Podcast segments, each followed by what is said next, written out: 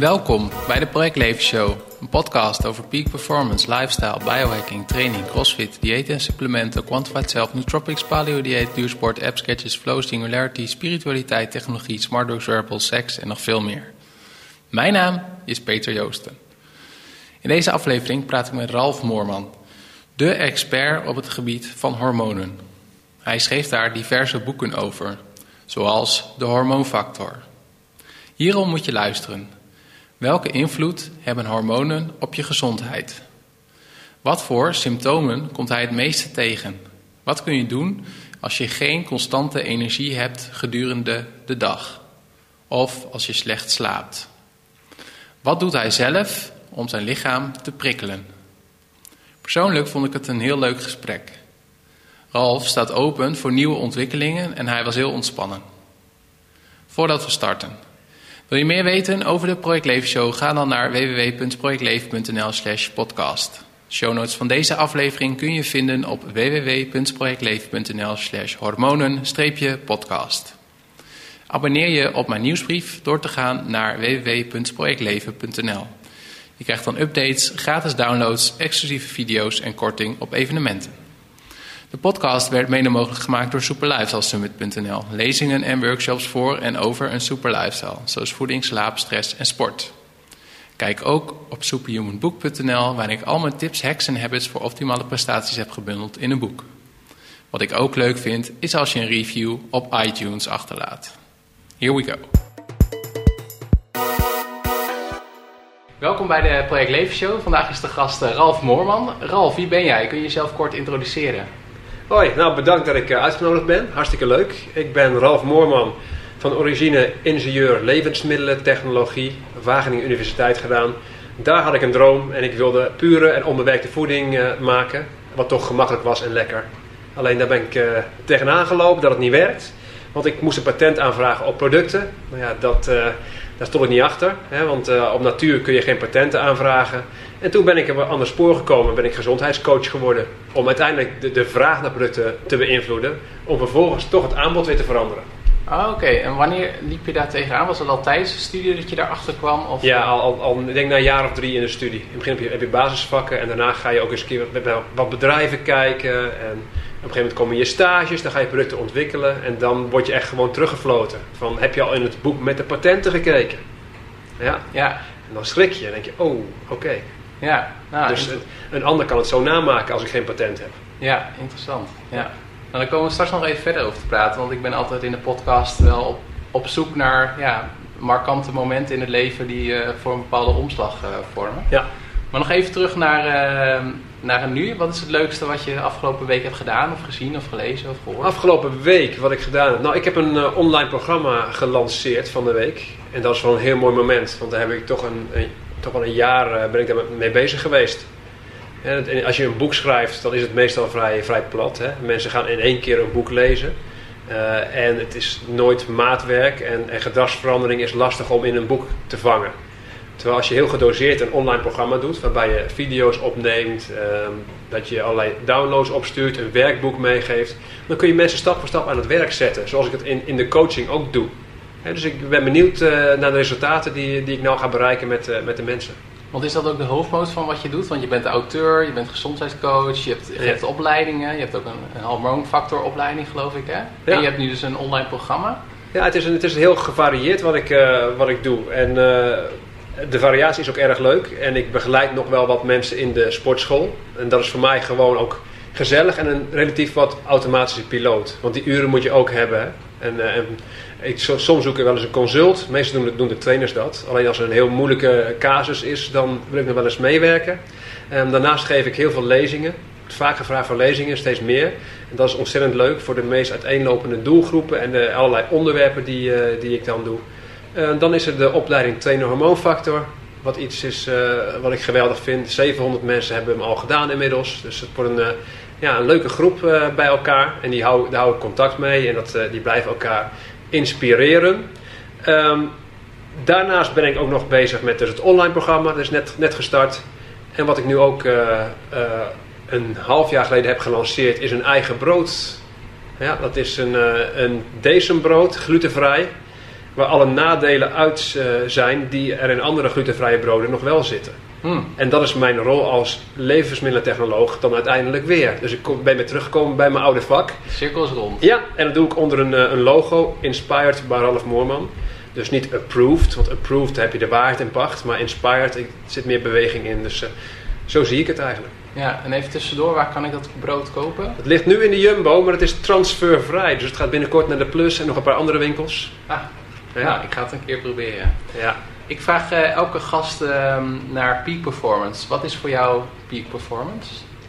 Ehm, ja, peak performance. Je hebt, je hebt de pieken en je hebt een gemiddelde. Eh, en ik streef zelf af en toe een keer naar een piek. Maar ik vind het ook heel belangrijk om een goed gemiddelde te draaien. Waardoor je eigenlijk je hele dag door lekker functioneert. En ik ken eh, natuurlijk bepaalde piekmomenten in je leven die, je- die je meemaakt. Maar goed, die heb ik ook wel eens meegemaakt vroeger. terwijl ik me eigenlijk niet zo optimaal voelde.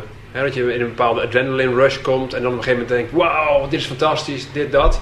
En de rest van de dag voel je je eh, wat suffer. En ik ben bijvoorbeeld erachter gekomen dat ik eh, sensitief ben behoorlijk voor gluten. Ik heb geen auto-immuunziekte celiakie, maar ik ben er wel sensitief voor geweest. En eh, ik kwam daarachter net aan- na, na mijn twintigste. En, en die jaren da- daarvoor merk je gewoon dat je suboptimaal leeft. En een piekmoment is wel te, te creëren als je jezelf helemaal gek maakt met eh, die hormonen, adrenaline en eh, Ja. iets, iets meemaken. Maar het gemiddelde is, is nu een stuk hoger. En dat is, vind ik eigenlijk een stuk leuker. En wat doe jij om je gemiddelde hoog te houden? Ehm, ervoor te zorgen dat eh, basisbehoeftes vervuld zijn in het leven. En je hoort net al dat ik heel gevarieerd werk heb. Dat houdt het voor mij eh, uitdagend. Dat is, dat is de ene kant. En daarnaast had ik het bijvoorbeeld over die automatische pilooturen. Ja. dat, dat is naast uitdaging controle. Hè, Ja. En ik wil ook, ook een soort van rustfactor creëren. Want alleen maar uitdagingen, daar word je gek van. En ik heb ook, ook alles heel gedoseerd opgebouwd. Ik ben eh, de hormoonfactor, mijn eerste boek, die eh, kwam uit in 2009. En vanaf daar, ik heb het altijd goed gedaan, maar ik ben nooit echt gigantisch gehyped. Dus ik ben heel rustig door heb ik kunnen bouwen tot een heel grote eh, fundering. Dus de controle had ik met iedere keer wat uitdaging eh, waar ik gedoseerd aan kon werken. Ja, ja, precies. Ja, leuk dat je dat zegt. Dat kwam ook terug in mijn interview met G, aflevering 10. Ja. Waarin hij ook zei van ja, continue peak performance is ook gewoon niet gezond voor Nee. je lichaam. Nee, het is af en toe leuk. Ja, Ja. Het gemiddelde vind ik belangrijker. Ja, ik wil wel teruggaan naar, ehm, naar je jeugd. Want eh, wa- was er een bepaald moment dat je erachter kwam dat je sensitief voor gluten was? Zoals je zei dat het rond je twintigste was. Ja, na, na mijn 20ste, 22ste ging ik een beetje eh, gewoon experimenteren met, met voeding. Wat dingetjes veranderen. En ik, eh, ik was toen al heel erg aan het inlezen. En ook wat er in Amerika allemaal, allemaal gaande was, vond ik heel interessant. En ik was zelf ook bezig met bodybuilding, natural bodybuilding. En dan, dan ga je dingen lezen en dan, en op een En gegeven natural moment... bodybuilding is eh, op basis van natuurlijke eh, voeding. Nou, natural bodybuilding betekent dus dat je geen anabole steroïden gebruikt. Ah, oké. Ja, en dat je kijkt van hoe, welke resultaten kun je halen zonder die, die toevoegingen. Want natuurlijk in de echte bodybuildwedstrijden gaat het niet zo nauw natuurlijk. Hè. Dat, en er zijn ook lichamen die je normaal nooit zouden bereiken. Maar ik wilde weten wat kon je nou op een natu naturel basis bereiken. En dan merk je bijvoorbeeld dat je gaat spelen met hoeveelheid koolhydraten. En ik merkte ook dat ik op, me op lage koolhydraten dan beter voelde. En ik dacht toen dat het om de suikerspiegel ging. En later ben ik erachter gekomen dat het niet om de, om de suiker ging, maar om de gluten. Want als je dan eh, je pasta gaat minderen, je brood, dan voelde ik me beter. En alleen dat lag dus aan de gluten. Ah. Ja. Ja. Ik was wel benieuwd, was je in je jeugd, eh, of wanneer begon je met natural bodybuilding? Ik zit even terug te denken. Ik denk dat eh, ik was... Ik was sowieso met fitness al, al echt flink bezig vanaf mijn 21ste. En die wedstrijd, toen was ik denk ik 25. Ja, dat is al heel lang geleden, dus moeilijk eh, te herinneren. Ja. En daarna heb ik het nog een paar keer voor mezelf geprobeerd. Een aantal methodes. eh, en ik kwam er op een gegeven moment achter dat ik eh, er beter voor stond. Terwijl ik meer calorieën at. En eh, minder calorieën verbruikte de- door cardio. Hè, dus dat wil niet zeggen dat het hele calorieverhaal niet klopt. Maar wat, er wel, eh, wat ik wel zag is dat ik, als ik de verkeerde methode gebruik, dat ik mijn eigen spieren aan het opeten ben. Hè, en, Ja. je, en je wil je vetpercentage zo laag mogelijk hebben. En niet je, je spieren op, opeten. Ja, En je merkt ook daar dat, dat, dat, dat je hormonen daar een belangrijke rol in hebben. En dat, daar is eigenlijk ook mijn, de rol van hormonen voor mij belangrijk geworden. En dat ben ik gaan, eh, gaan uitdiepen vervolgens. ja. Want ehm, voor mijn eigen blog doe ik elke maand een ander eh, project. En ik heb ook het paleo dieet getest en het ketogeen dieet, Western Price. Ehm, uh, is de hormoonfactor dieet, is dat echt een andere klasse? Of wat zijn eigenlijk de, kun je het Nou, je kunt, je kunt hè, wil sowieso uh, de meeste populaire dieetvormen zijn puur onbewerkt en zijn gevarieerd, hè, wat je, wat je daarmee doet. Uh, en, en, ook kijkend naar wat, wat bij je past, welke voeding, hè, van nature. paleo is wel een stuk strenger dan ik. Dan kijk je natuurlijk naar de oermensen en dan, dan ga je ook alle granen schrappen bijvoorbeeld. Of alle pulvrucht en alle aardappel in sommige gevallen. Hè, de nachtschades. Um, in mijn geval, ik let, op de gluten let ik uh, bij de meeste mensen. Ja, je moet voor je, bij jezelf uittesten of je daar gevoelig voor bent. Uh, en als je dat niet bent, sowieso niet te veel. Want mensen die gaan met twee keer per dag brood, s'avonds pasta eten, is niet gevarieerd. Daarnaast... hoe, test je, even hoe, hoe kun je dat testen? Ja, het moeilijke is, dat je kunt een celiakie, een auto-immuunziekte, kun je testen bij de arts. Alleen sensitiviteit, dat is eigenlijk de nieuwe term daarvoor, dat is vooral praktijk. dan, kijk je aan naar de symptomen van, gaan symptomen zich oplossen? Want uh, als je sensitief bent, dan kan gluten eten, kan je je immuunsysteem uitlokken. En dat betekent dat het energie zuipt, um, dat het ook meer ontstekingen geeft uh, en op darmniveau voor een opgeblazen gevoel zorgt en een verkeerde vertering. En als je dan vervolgens daar een paar weken mee stopt, dan merk je daar verschillen in. Uh, wat wel een aandachtspunt is, is dat als je een paar weken glutenvrij eet, dat je celiakie niet meer kunt meten.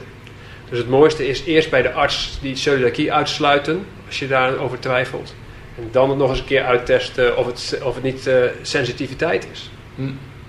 En uh, jouw uitgangspunt daarbij zijn eigenlijk de hormonen, kan ik dat zo zeggen? Ja.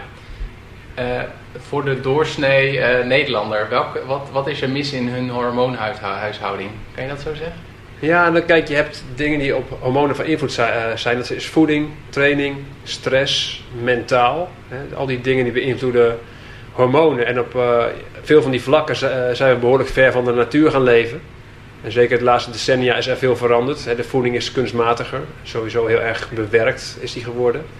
Waar we moeilijk op anticiperen. Dan heb je de beweging bij veel mensen is ook minder. De bewegingsfactor. Dan heb je stress veel mensen die zijn uh, zoekend, misschien wat te veel keuzes in het leven, waardoor ze gestrest raken en zoekend naar zichzelf. wat geeft mij nou energie, wat kost me nou uh, energie?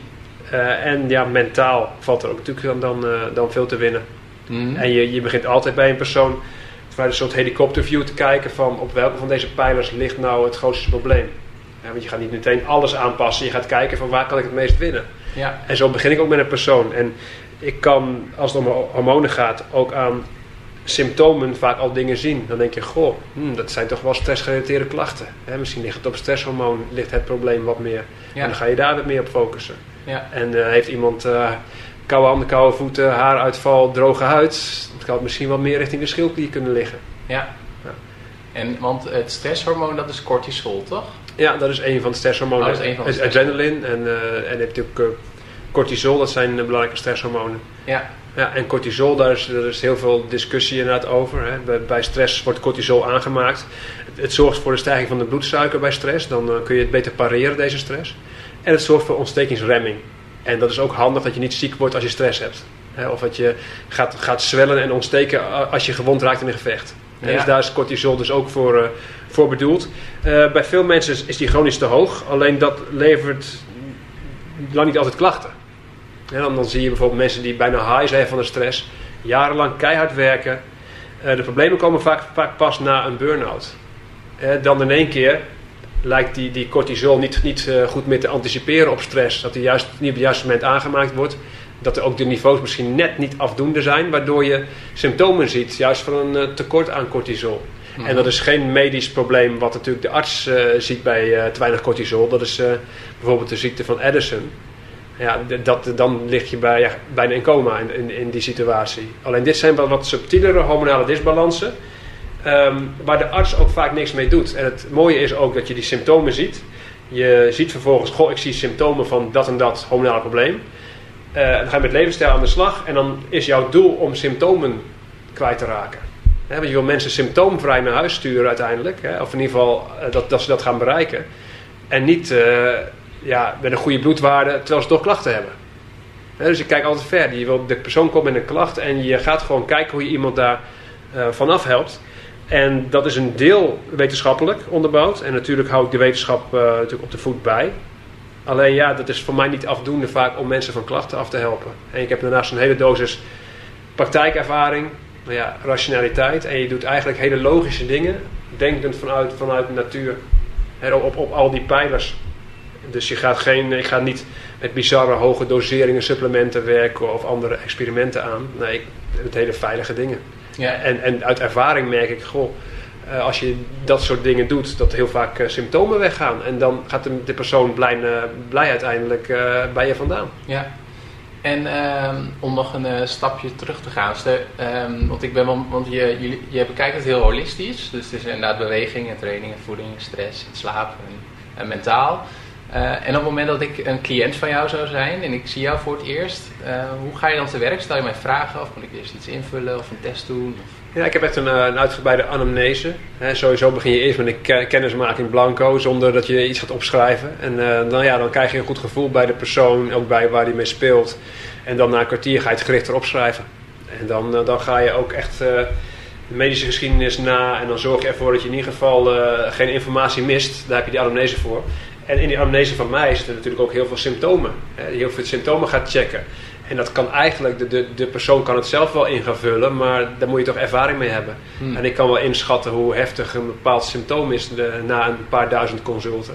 Ja. En dan, dan kun je dat, dat, dat de persoon zelf soms dat niet kan inschalen. Je hebt natuurlijk de hypochonder die het allemaal veel te ernstig doet. En je hebt de, degene die alles bagatelliseert, ja, die, gaat, heeft nergens last van. Nee. Ja, en daar moet je op een gegeven moment als coach ervaring mee hebben. Ja, welke symptomen, welke drie symptomen kom jij het meest tegen?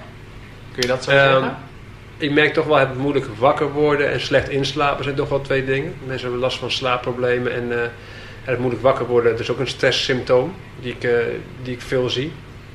En wat je natuurlijk ziet is uh, niet constante energie. En vaak, vaak wordt er gedacht aan, aan bloedsuikerdips die, die optreden. Maar goed, ik merk in de praktijk dat het lang niet altijd het bloedsuiker is, maar ook vaak gewoon iets eten wat niet bij je past. dat je een, uh, een overgevoeligheidsreactie krijgt. En dat, dat hoeft niet meteen tot de meest ernstige zweren te leiden, of weet ik veel wat voor klachten. Maar het kan gewoon energie kosten. En ik uh, denk niet alleen vanuit het doorrekenen van voeding, hè, je bent wat je eet, maar ook juist je bent wat je verteert, verdraagt, kunt opnemen en kunt uitscheiden. En op dat scala gaat het zo vaak mis. Hè? En zo kun je je voeding als ouderwetse diëtist uh, doorgaan meten. Dan denk je, goh, ik krijg voldoende stoffen binnen. Maar goed, als het niet goed verwerkt wordt in je lichaam, dan eet je iets wat misschien gezond lijkt qua voedingsstoffen, maar het is niet voor jou. En ja. zijn allemaal anders. En dat blijft een, eh, het, het stimuleren uh, tot een zoektocht naar jezelf. Ja. ja, interessant dat je het zegt. Ik had eerder een podcastaflevering met uh, Nienke Tode, uh, ja, van ja. de Poepdokter. Poepdokter, super. Dus die ging daar inderdaad helemaal over. Van eigenlijk wat we ook al van, van onze ontlasting kunnen leren over onszelf. Ja, dat is ook nog eens een uiting daarvan. Ja. Absoluut. Ja. En... Ehm, niet goed kunnen, uh, of niet goed kunnen wakker worden en slecht inslapen. Uh, wat op, heeft dat betrekking op één specifiek hormoon? Of een, uh, ja, kijk, het inslapen dat kan heel veel oorzaken hebben. Dat ligt natuurlijk op het hormoon melatonine, hè, wat een van de belangrijkere is. Het kan ook op het vrouwelijke hormoon progesteron liggen trouwens, wat ook, wat ook beter laat inslapen. Daar zie je ook problemen mee rond overgang en andere situaties. En het lastige is ook, je hebt, je hebt het over één hormoon, maar daar spelen vervolgens meerdere hormonen op in. En je moet kunnen denken vanuit een soort dans van hormonen. En, en, en dat is ook veel, heel veel ervaring hebben. Ja. En dat slechte wakker worden heeft heel vaak ook met chronische stress te maken. En, en chronische stress is natuurlijk uh, een van de hoofddingen die je toch wel ziet in deze tijd. Ja. En um, komt wel heel veel in de media. Hè? Dus dat uh, volgens mij dat er het hormoon voor dit, het hormoon voor dat. Maar jij zegt eigenlijk, ik vind het een mooie uitdrukking, dans der hormonen. Dus ja. dat zou ook allemaal invloed op elkaar. Ja, is, is ook zo. En, je, en het is altijd het ene hormoon ten opzichte van andere hormonen. En het zijn, gaat om de verhoudingen en niet om de absolute waarde. Hè? Dat, dat is, daar wordt vaak naar gekeken. Ja. En hoe belangrijk is insuline? Want binnen de hele paleo-beweging wordt gezegd: insuline is de key uh, hormoon, uh, het belangrijkste. Ben je het daarmee eens? Of? Nee, nee het, het, zijn heel veel hormonen bij, bij elkaar. Ze, ze, werken allemaal samen. Het een kan niet zonder het ander. En, en insuline is zeker een belangrijk aandachtspunt. En je merkt ook dat heel veel diëten daarop focussen, omdat het gewoon goed werkt als je zo denkt. een stabiele bloedsuiker houden door, door een goede insulinewerking is een manier om je calorieinname binnen de perken te houden. Maar waar er vaak niet over gesproken wordt, is dat er naast die bloedsuikerspiegel uh, en de invloed op eetgedrag, dat er ook eten zonder honger bestaat. En het mooie is, als jij op koolhydraten gaat letten, dat jij bijvoorbeeld je suikers gaat minderen. En suikers zorgen voor een zoete smaak. Die zorgen voor een geur, als je het verhit. Ook voor een mondgevoel, knapperig smeltend is het nog eens een keer belangrijk voor. En voor een mooi bruin, uh, bruin kostje, mooie kleur. En die combinatie zorgt ervoor dat veel levensmiddelen met suiker, dat die een hoge dooreetfactor hebben. Zo noem ik dat altijd. Oké, en ik vind het ook interessant eten zonder honger. Dus daarmee uh, daarmee bedoel je van, ook al heb je geen, dus dat je niet meer als mens naar je lichaam luistert, maar dat je gewoon nee, blijft dooreten. En dit is eigenlijk de dooreetfactor in, uh, in één product, dat je de hele pak of de zak uh, leeg eet. En dat, dat verschil zie je tussen ongebrande noten, hè, die eigenlijk vrij saai zijn. Of je gaat er in één keer rozijnen bij doen, die nog eens een keer een zacht mondgevoel hebben en een zoete smaak. Nou ja, dan in één keer eet je wel de zak leeg van studentenhaver. Ja. En het is heel leuk om bij jezelf te gaan kijken hoe dat nou, nou werkt. Hè. Gekookte aardappels, niet zo interessant. Ga je het bakken, krijg je een aroma, hè, dan krijgt een geur, krijgt het, en dan krijgt het een ander mondgevoel, wat knapperig. Ga je zout toevoegen, krijg je smaak erbij. En dan in één keer ga je langer door eten. En dat, dat is zeg maar in één maaltijd. En de andere belangrijke thema bij eten zonder honger, waar suiker ook weer in zit, is dus de combinatie suiker, vet, zout. Die bepaalde stoffen in onze hersenen vrijmaakt, waardoor we ons lekker voelen. En dat kan dus een mentale dip tijdelijk eventjes oplossen hè, voor je gevoel. Terwijl je daarna natuurlijk weer een backfire krijgt. Um, dus besef ook goed wanneer mensen slecht in hun vel zitten en, en dat weg willen eten, dan grijpen ze niet naar een salade. Nee. Dan grijp je naar een combinatie suiker, vet, zout. Ja. En het is ook niet alleen de suiker. Anders zou je zeggen, hier staat een, staat een, staat een kom met suikerklonten, ga je gang. Hoeveel kan je erop? Ja. En meestal wordt, is dat helemaal niet zo aantrekkelijk. Het gaat om combinaties. En ik ben natuurlijk levensmiddelentechnoloog. Ja, wou net zeggen. Ja, en ik weet heel goed hoe je dat spelletje speelt natuurlijk. Ja, ja ik heb zelf... Uh, toen ik, ik heb bedrijfskunde gestudeerd en toen op een gegeven moment in het vierde jaar dan kun je naar eh, bedrijven toe voor uh, bezoeken en zo. En toen was er ook een bedrijf die zich exclusief richten op smaak en, en dat soort dingen. Dus daar zit ook een hele miljoenenindustrie ja, Absoluut. je, hebt, en je hebt de ene kant de dooreetfactor van... goh, gaan ze me hele, de, pak meteen, gaat meteen leeg eten... want dan moeten ze een nieuwe kopen. En de strijd om die, die, die momentjes. Hè, die momentjes van ik voel me lusteloos en ik moet iets hebben. Ja, en dan moeten ze jouw product pakken. Dat zijn megamarkten natuurlijk. Ja. En in, in welke mate helpt jouw opleiding jou hier nog bij? Je hebt er nu dat, je hebt gewoon, je weet hoe de andere kant denkt, moet ja. ik het zo zien? Ja, nou, ik heb natuurlijk veel gezien, maar goed, ik heb ook niet, ben ook niet in alle, alle bedrijven binnen geweest. Alleen ik weet wel de principes waar, waarop er gewerkt wordt. Uh, nou ja, en ik, en ik vind het heel leuk dat ik ook bijvoorbeeld het boek De Boodschappencoach heb kunnen schrijven. Waar ik de supermarkt eigenlijk uit elkaar getrokken heb vanuit mijn, uh, vanuit mijn achtergrond. Maar goed, je moet ook als je zo'n boek schrijft, toch door gaan bellen, door gaan zoeken. Want uh, het ligt niet allemaal uh, op straat of uh, het staat niet op internet allemaal hè, wat er echt gebeurt. Het is leuk dat je ziet wat erin zit op een verpakking, maar je ziet niet hoe het gemaakt is. Nee, nee. En laatst heeft ook iemand mij getipt het boek The Doritos Effect. Ik weet niet of je die al hebt gelezen. Nee, nog niet gelezen. In ieder geval een link naar de boodschappencoach en dat andere boek opnemen. Zit er een verschil tussen uh, waar, uh, de hormonen van mannen waar je op let versus vrouwen? Is voor mij bijvoorbeeld testosteron een van de eerste dingen waar je naar zou kijken of naar zou vragen? Ja, als het over geslachts, geslachtshormonen dan gaat natuurlijk wel. Alleen ja, het is zo'n een stukje makkelijker, een testosteronsysteem, dan een cyclus van een vrouw. Dat is veel moeilijker. We hebben meer, meerdere hormonen die met elkaar wisselwerken in een cyclusvorm. Dat is gewoon, is gewoon vrij moeilijk. En het is ook een heel kwetsbaar systeem bij de vrouw. En, en de, er hangen ook veel meer klachten omheen. Veel meer symptomen, kwalen, klachten die te maken hebben met een ontsporende cyclus. terwijl bij de man, de testosteron, ja, we hebben het er wel over libido, of dat je libido minder wordt bij laag testosteron, of dat je, je, je spiermassa moeilijker uh, ja, aankomt. dus dat, dat zijn symptomen, maar ga je bij de vrouw kijken. Ik heb een boek uh, Hormoonbalans voor Vrouwen geschreven met een gynaecoloog samen. En hebben het over 38 vrouwenklachten. En dat is heel wat anders dan die paar dingen die je bij de man ziet. Hè? Die 38 die hangen samen met een testosteron? Uh... Nee, die hangen bij de, bij de vrouw. Dit gaat over, over de vrouw, die hebben de 38. En bij de man, ja, als je daar een boek voor schrijft, ben je bij vijf belangrijke dingen wel een beetje klaar. Oh, zo, op die manier bedoel je dat? Ja. Ja. En, en uh, ja, wat, wat, wat, zijn dingen die uh, mannen kunnen doen om hun... Uh, stel je voor dat ik vind dat mijn testosteron omhoog moet. Ja. Wat zou je dan tegen mij zeggen? Nou, er zijn meerdere redenen waarom testosteron lager kan worden. Uh, een voorbeeld daarvan is een hoger vetpercentage krijgen. Hoe hoger het vetpercentage, hoe meer van je testosteron omgezet wordt naar oestrogeen, het vrouwelijke hormoon, in je vetweefsel. Dat doet, dat doet het vetweefsel. Het vetweefsel die kan dat omzetten. Er zit aromatase in, dat is, dat is een enzym wat die omzetting uh, in gang zet.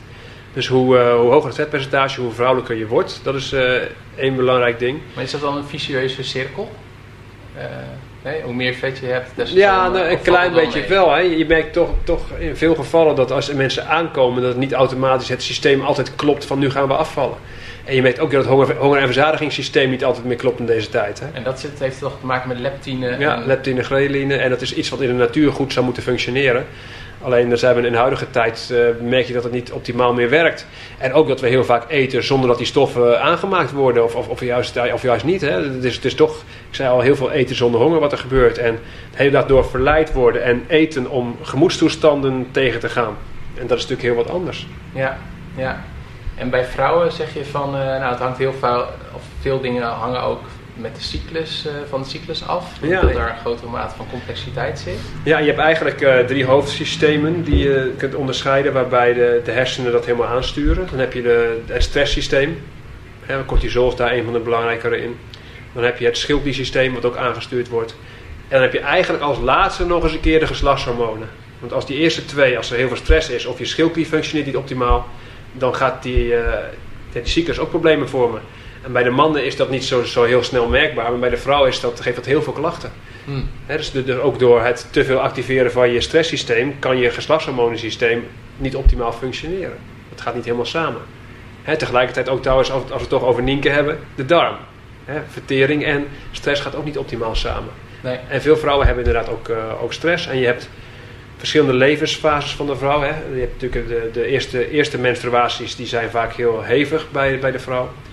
Um, daarna gaat het een aantal, uh, ik denk wat jaren goed verlopen als je geluk hebt. Alleen in deze tijd is dat lang niet altijd zo. Dan komen er klachten en wat gebeurt er dan? De arts zegt van uh, neem de, de, de anticonceptiepil maar.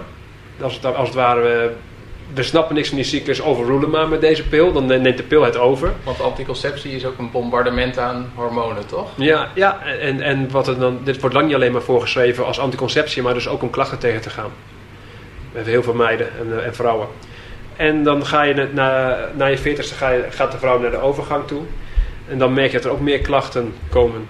En een bepaalde fase van de cyclus, de progesteronfase, wordt steeds zwakker. En dan ben je als het ware oestrogeen dominant. Wat ook weer een niet-wetenschappelijke term is. Die wel ontzettend goed werkt als je zo denkt in de praktijk. Wat is de functie van dat uh, progesteron? Is dat, uh, dat is een, hangt samen met testosteron of is, hangt het meer aan de nou, het, het, hangt iets meer aan, aan de mannelijke kant inderdaad dan oestrogeen. Alleen je hebt een, een cyclus waarin bij de vrouw de eerste 14 dagen de oestrogeenfase eigenlijk is. En daarna is de ijsprong. En dan komt er een progesteronfase. En oestrogeen zorgt voor het aanmaken van het baarmoederslijmvlies. En progesteron zorgt voor het uitrijpen van het baarmoederslijmvlies. Uh, maar als je merkt dat het baarmoederslijmvlies bijvoorbeeld niet goed gevormd wordt, dat er te veel uh, oestrogeen is, wordt het te dik, krijg je bijvoorbeeld heftige bloedingen. En misschien wel ijzertekorten door die bloedingen. Hè? Dat is maar één, één voorbeeld daarvan. Ja. En je ziet bij de vrouw ook dat de testosteron wat stabieler is. En die heeft een één piekje rond de ijsprong, maar verder is die uh, redelijk constant. Alleen die andere twee die gaan dus door elkaar heen. Ja. Ja. En dat moet allemaal precies op het juiste moment timen. Zodat je ook de meeste kans hebt om, uh, om vruchtbaar te zijn en kinderen te krijgen. Maar ook gewoon om je lekker te voelen. Ja, ik vind het interessant uh, ook wat je zegt net met die combinatie. Want ik was ook in een, uh, bij de Biohacker Summit in Londen en daar werd ook gezegd... Uh, de cyclus van een vrouw is de canary in the coal mine. Dus als, als daar iets in misgaat, dan weet je gewoon dat er verderop ook wat, ja. mis is. Vond ik een hele goede uitspraak. Ja, dit is vaak iets wat omvalt door iets anders. Ja. En ehm, naar de podcast luisteren een heleboel mannen, maar ook een heleboel vrouwen, jonge vrouwen. Ja. Uh, jij zegt van nou, de hè, anticonceptie is niet zo'n goed idee in principe. Ja, dit, dit is gewoon een experiment vind ik zelf. Want je, je laat eigenlijk je, je hormonaal systeem over aan een pil. Hè, Ja. Die door een ander is samengesteld. Uh, ja, terwijl je lichaam normaal gesproken zelf moet anticiperen.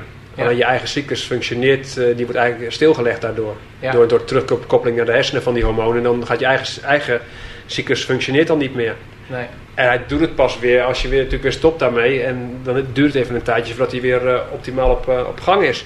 Uh, en wat, ik, wat je bijvoorbeeld ziet aan, aan verbanden, sowieso de relatie met borstkanker, is, is wel een, beetje gelegd. Dat daar in ieder geval een link is. Hmm.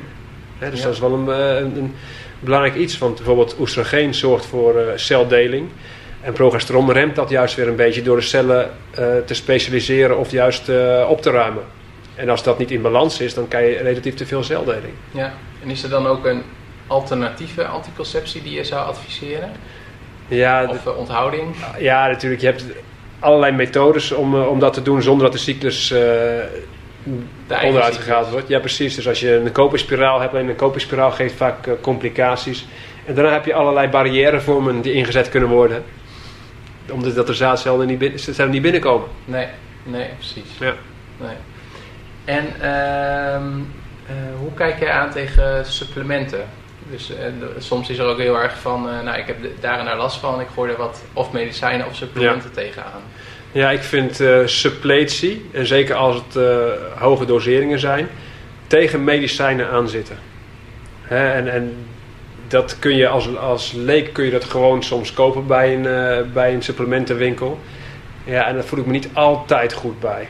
He, want ik heb ook zoiets van, dat is ook een specialisme. En ja, we hebben daar natuurlijk automoleculaire voedingsleer voor. We hebben daar speciale uh, ja, specialisten voor. Maar ik zou het zo mooi vinden als de arts het ook mee zou nemen. Want daar hoort het eigenlijk ook een beetje thuis, vind ik. Hmm. En ik zelf werk heel veel vanuit levensstijl. En wel met de basissuppletie. Maar goed, uh, ik wil het liefste dus met leefstijl proberen het lichaam te vragen iets te doen en niet te dwingen. En medicijnen is overduidelijk dat het dwingen is. En, en dwingen geeft altijd, altijd een bijwerking of een antireactie. Maar suppletie is ook eigenlijk als je, ook dwingen als je het hooggedoseerd doet. En natuurlijk moet je suppletie inzetten als er een tekort is.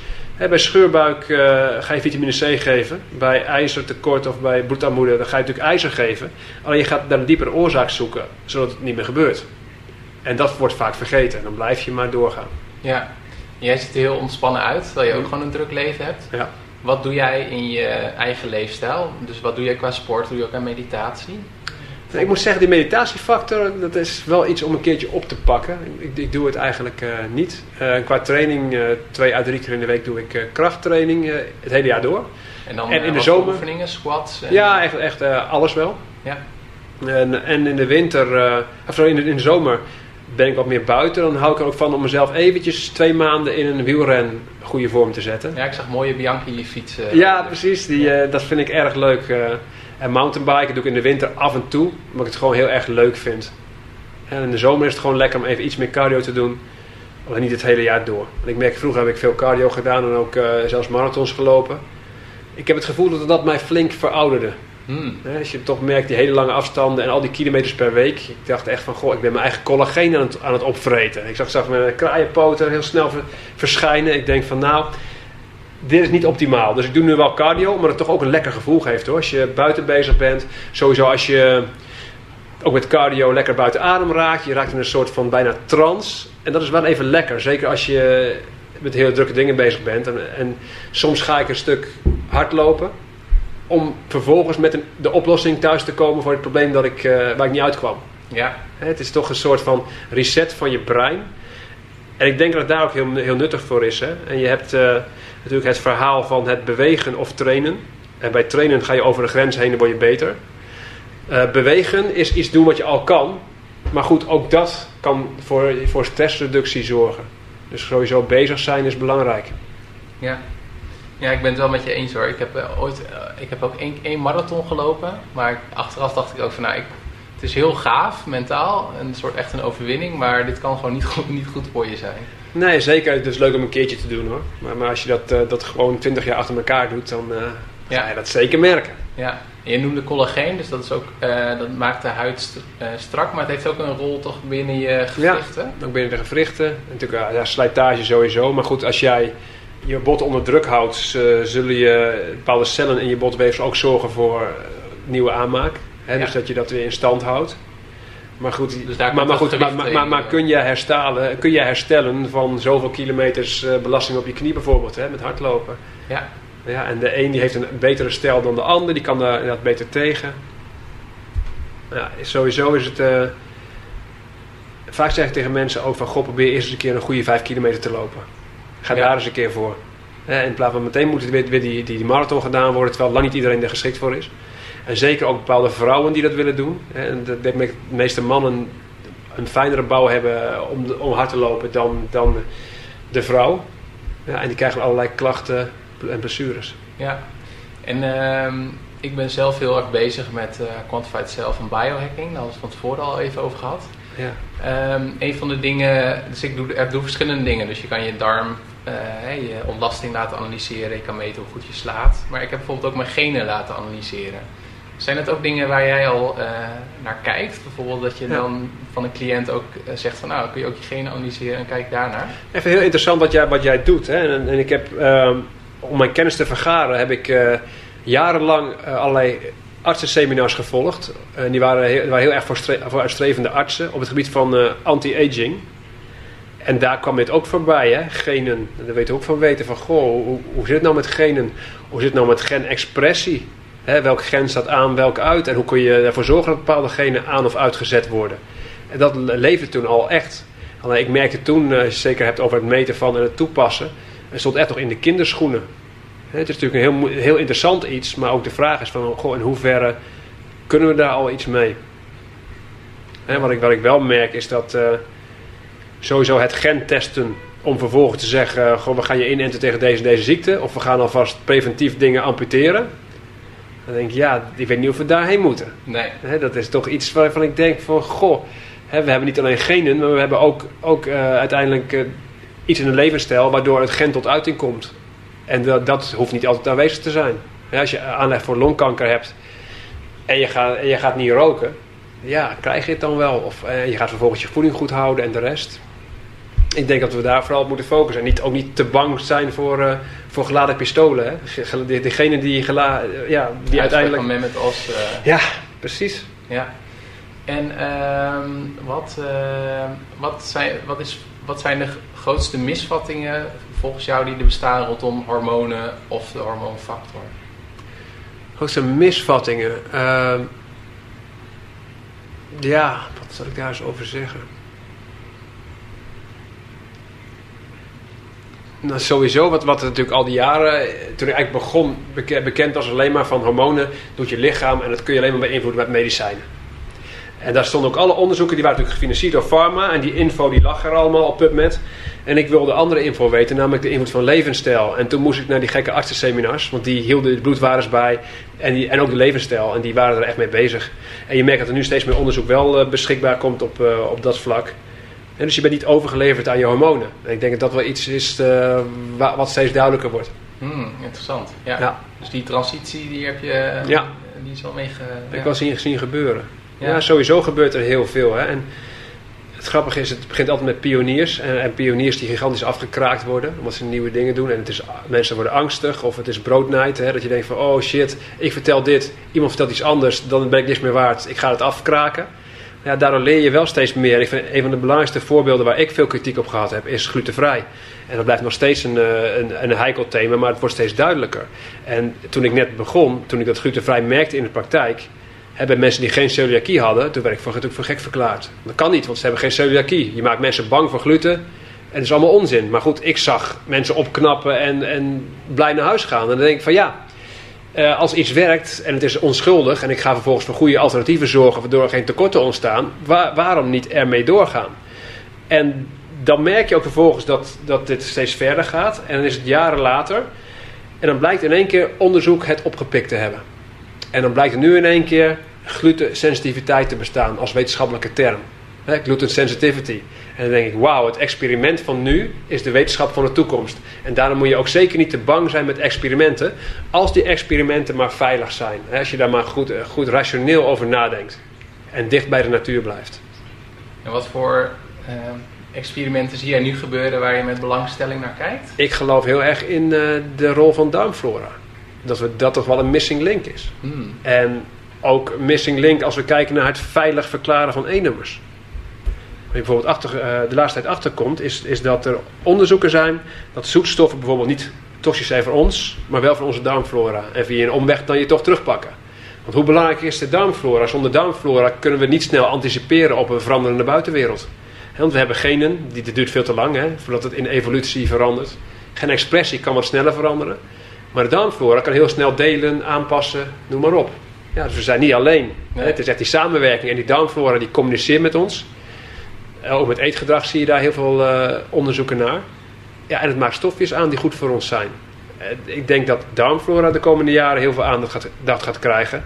En dat er ook allerlei concepten bedacht worden om je darmflora optimaal te beïnvloeden. Ja, wat wel interessant is, is ja, mensen die het sowieso boeiend vinden, raad ik aan om naar aflevering 5 uit mijn hoofd met Nienke nog een keer te luisteren. Maar dat, ook, ehm, dat je ook ontwikkelingen hebt zoals fecal transplants. Ja, dat, en daar zie je het. Want dan ga je dus ontlasting van de ene persoon naar de andere uh, transplanteren. En je ziet allerlei veranderingen. Hè. Zeker drie maanden blijft dat dan in stand. Maar dan transplanteer je de bacteriën, maar ook de omgeving van de bacteriën waar ze in leven. En dat maakt het zo mooi. En dat proberen we nu met probiotica wel een beetje na te bootsen. Dan heb je de probiotica en je hebt prebiotica. Dat zijn juist vezels hè, waar die probiotica dan weer in zich aan kan hechten en uit kan groeien. Maar het is nooit zo optimaal als, uh, als transplantatie die, die je dan ziet. En, en, en daar zie je ook bijvoorbeeld dat je nooit het, uh, de feces van een dik persoon in een slank persoon moet zetten, omdat die vervolgens dan aan gaat komen. Ja, dat is echt fascinerend. Ja, gek. Hè? Die, die bacteriën communiceren met de hersenen en, en beïnvloeden op eetgedrag. Ja. En, en dat is voor mij voor de toekomst gaaf. Dat, dat, dat ga ik echt nauw, uh, nauw volgen. Ja, en je, het is heel belangrijk voor je immuunsysteem. En dopamine wordt volgens mij ook in je Alles, gemaakt. ja. ja. Neurotransmitters worden op de, in de darm gemaakt, maar ook in de hersenen. En, en dat communiceert. Dat ja. is natuurlijk uh, geniaal. En het is ook de basis van je immuunsysteem. Ja. je merkt als de darm iets misgaat, dat, dat het onder heel veel klachten ligt. Ja. En ik moet het jou toch vragen. In aflevering 7 was, was Ton Leenders uh, best wel stellig over vegetarisch of veganistisch eten. Ja. Hoe sta jij ten opzichte van het eten van, uh, van vlees? Um, ja, het blijft een hele moeilijke discussie. Hè? Want ik, ik hoor heel vaak uh, allerlei argumenten aangedragen voor het juist niet eten van vlees. Omdat er bepaalde bevolkingsgroepen bestaan die dan weer uh, eh, 100 jaar oud werden hè, bij het eten van die voeding. Maar waar het mij meer om gaat is, is welke voeding past nu bij ons? Want ik zei net al, het lichaam kan zich aanpassen aan allerlei omstandigheden. En die, die oervolkeren die hadden misschien wel aangepaste darmflora aan het niet eten van, van vlees. Het hele systeem is daarop afgestemd. De genexpressie is afgestemd op die voeding.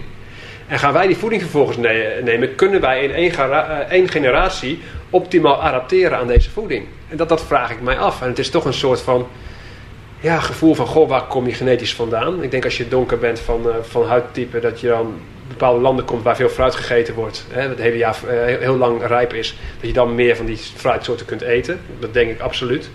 Maar het blijft toch allemaal weer heel erg persoonlijk. En het gaat er mij vooral om, is de voeding onbewerkt? Dat is toch wel, wel echt regel nummer één, onbewerkte voeding.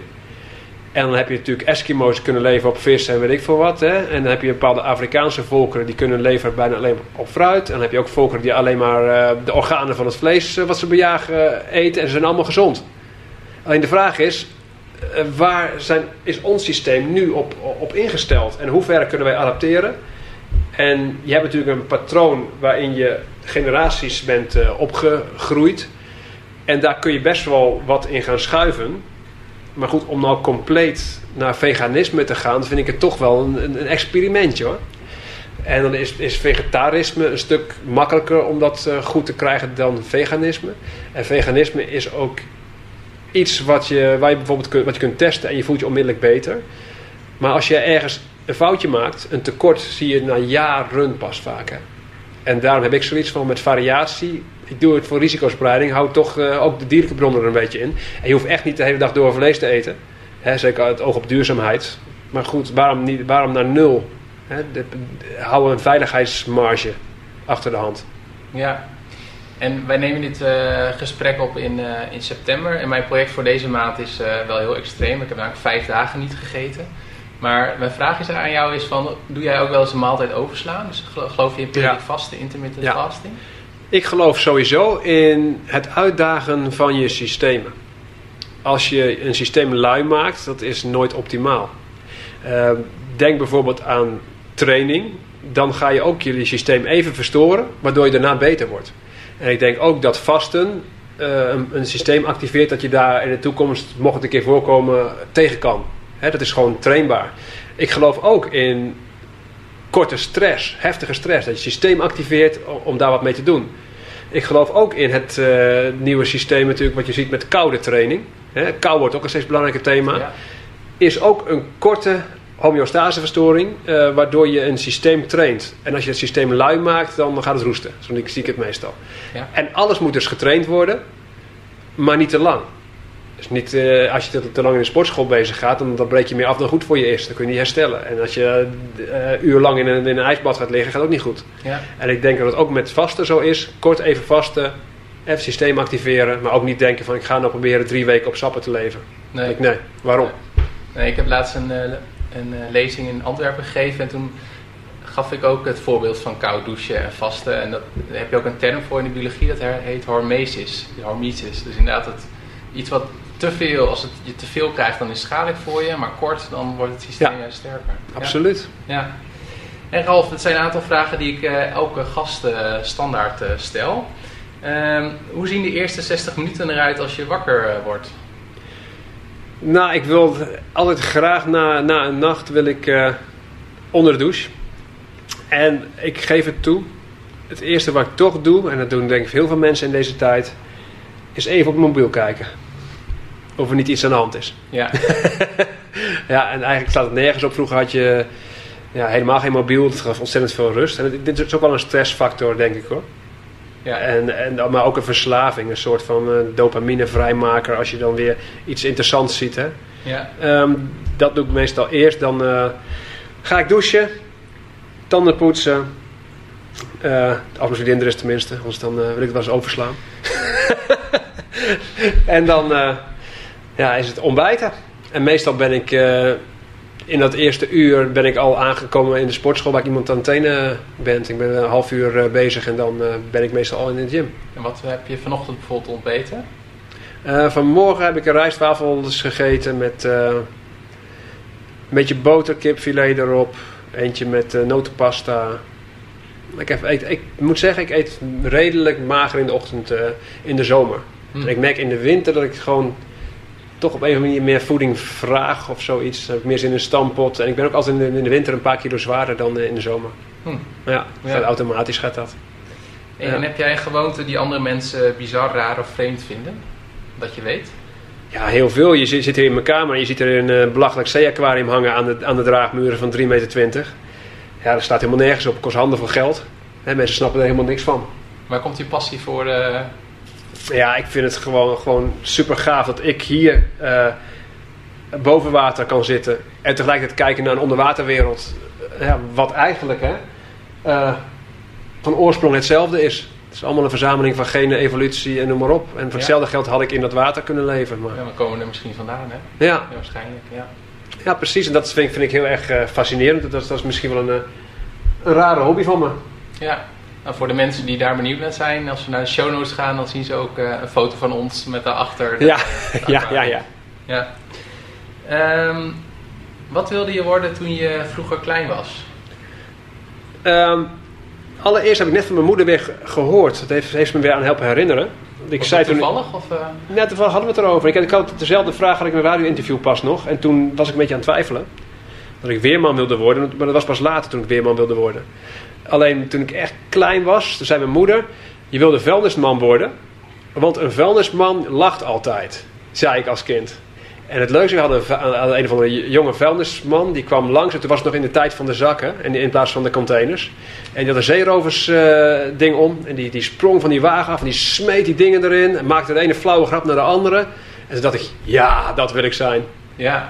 en, wa- en waar was dat? Welke stad of dorp? Of, eh? Dat is in, eh, in Ede. Ja. Kom ik vandaan. Ja. Ja. Oh, wat leuk dat je dan... eh, Ja, en daarna, en daarna begon, begon ik, eh, vond ik weerman heel interessant. Was ik gefascineerd door het weer. Hoe kun je het nou voorspellen? En, eh, ja. ja, zo gaat het in het, eh, in het leven. ja, interessant.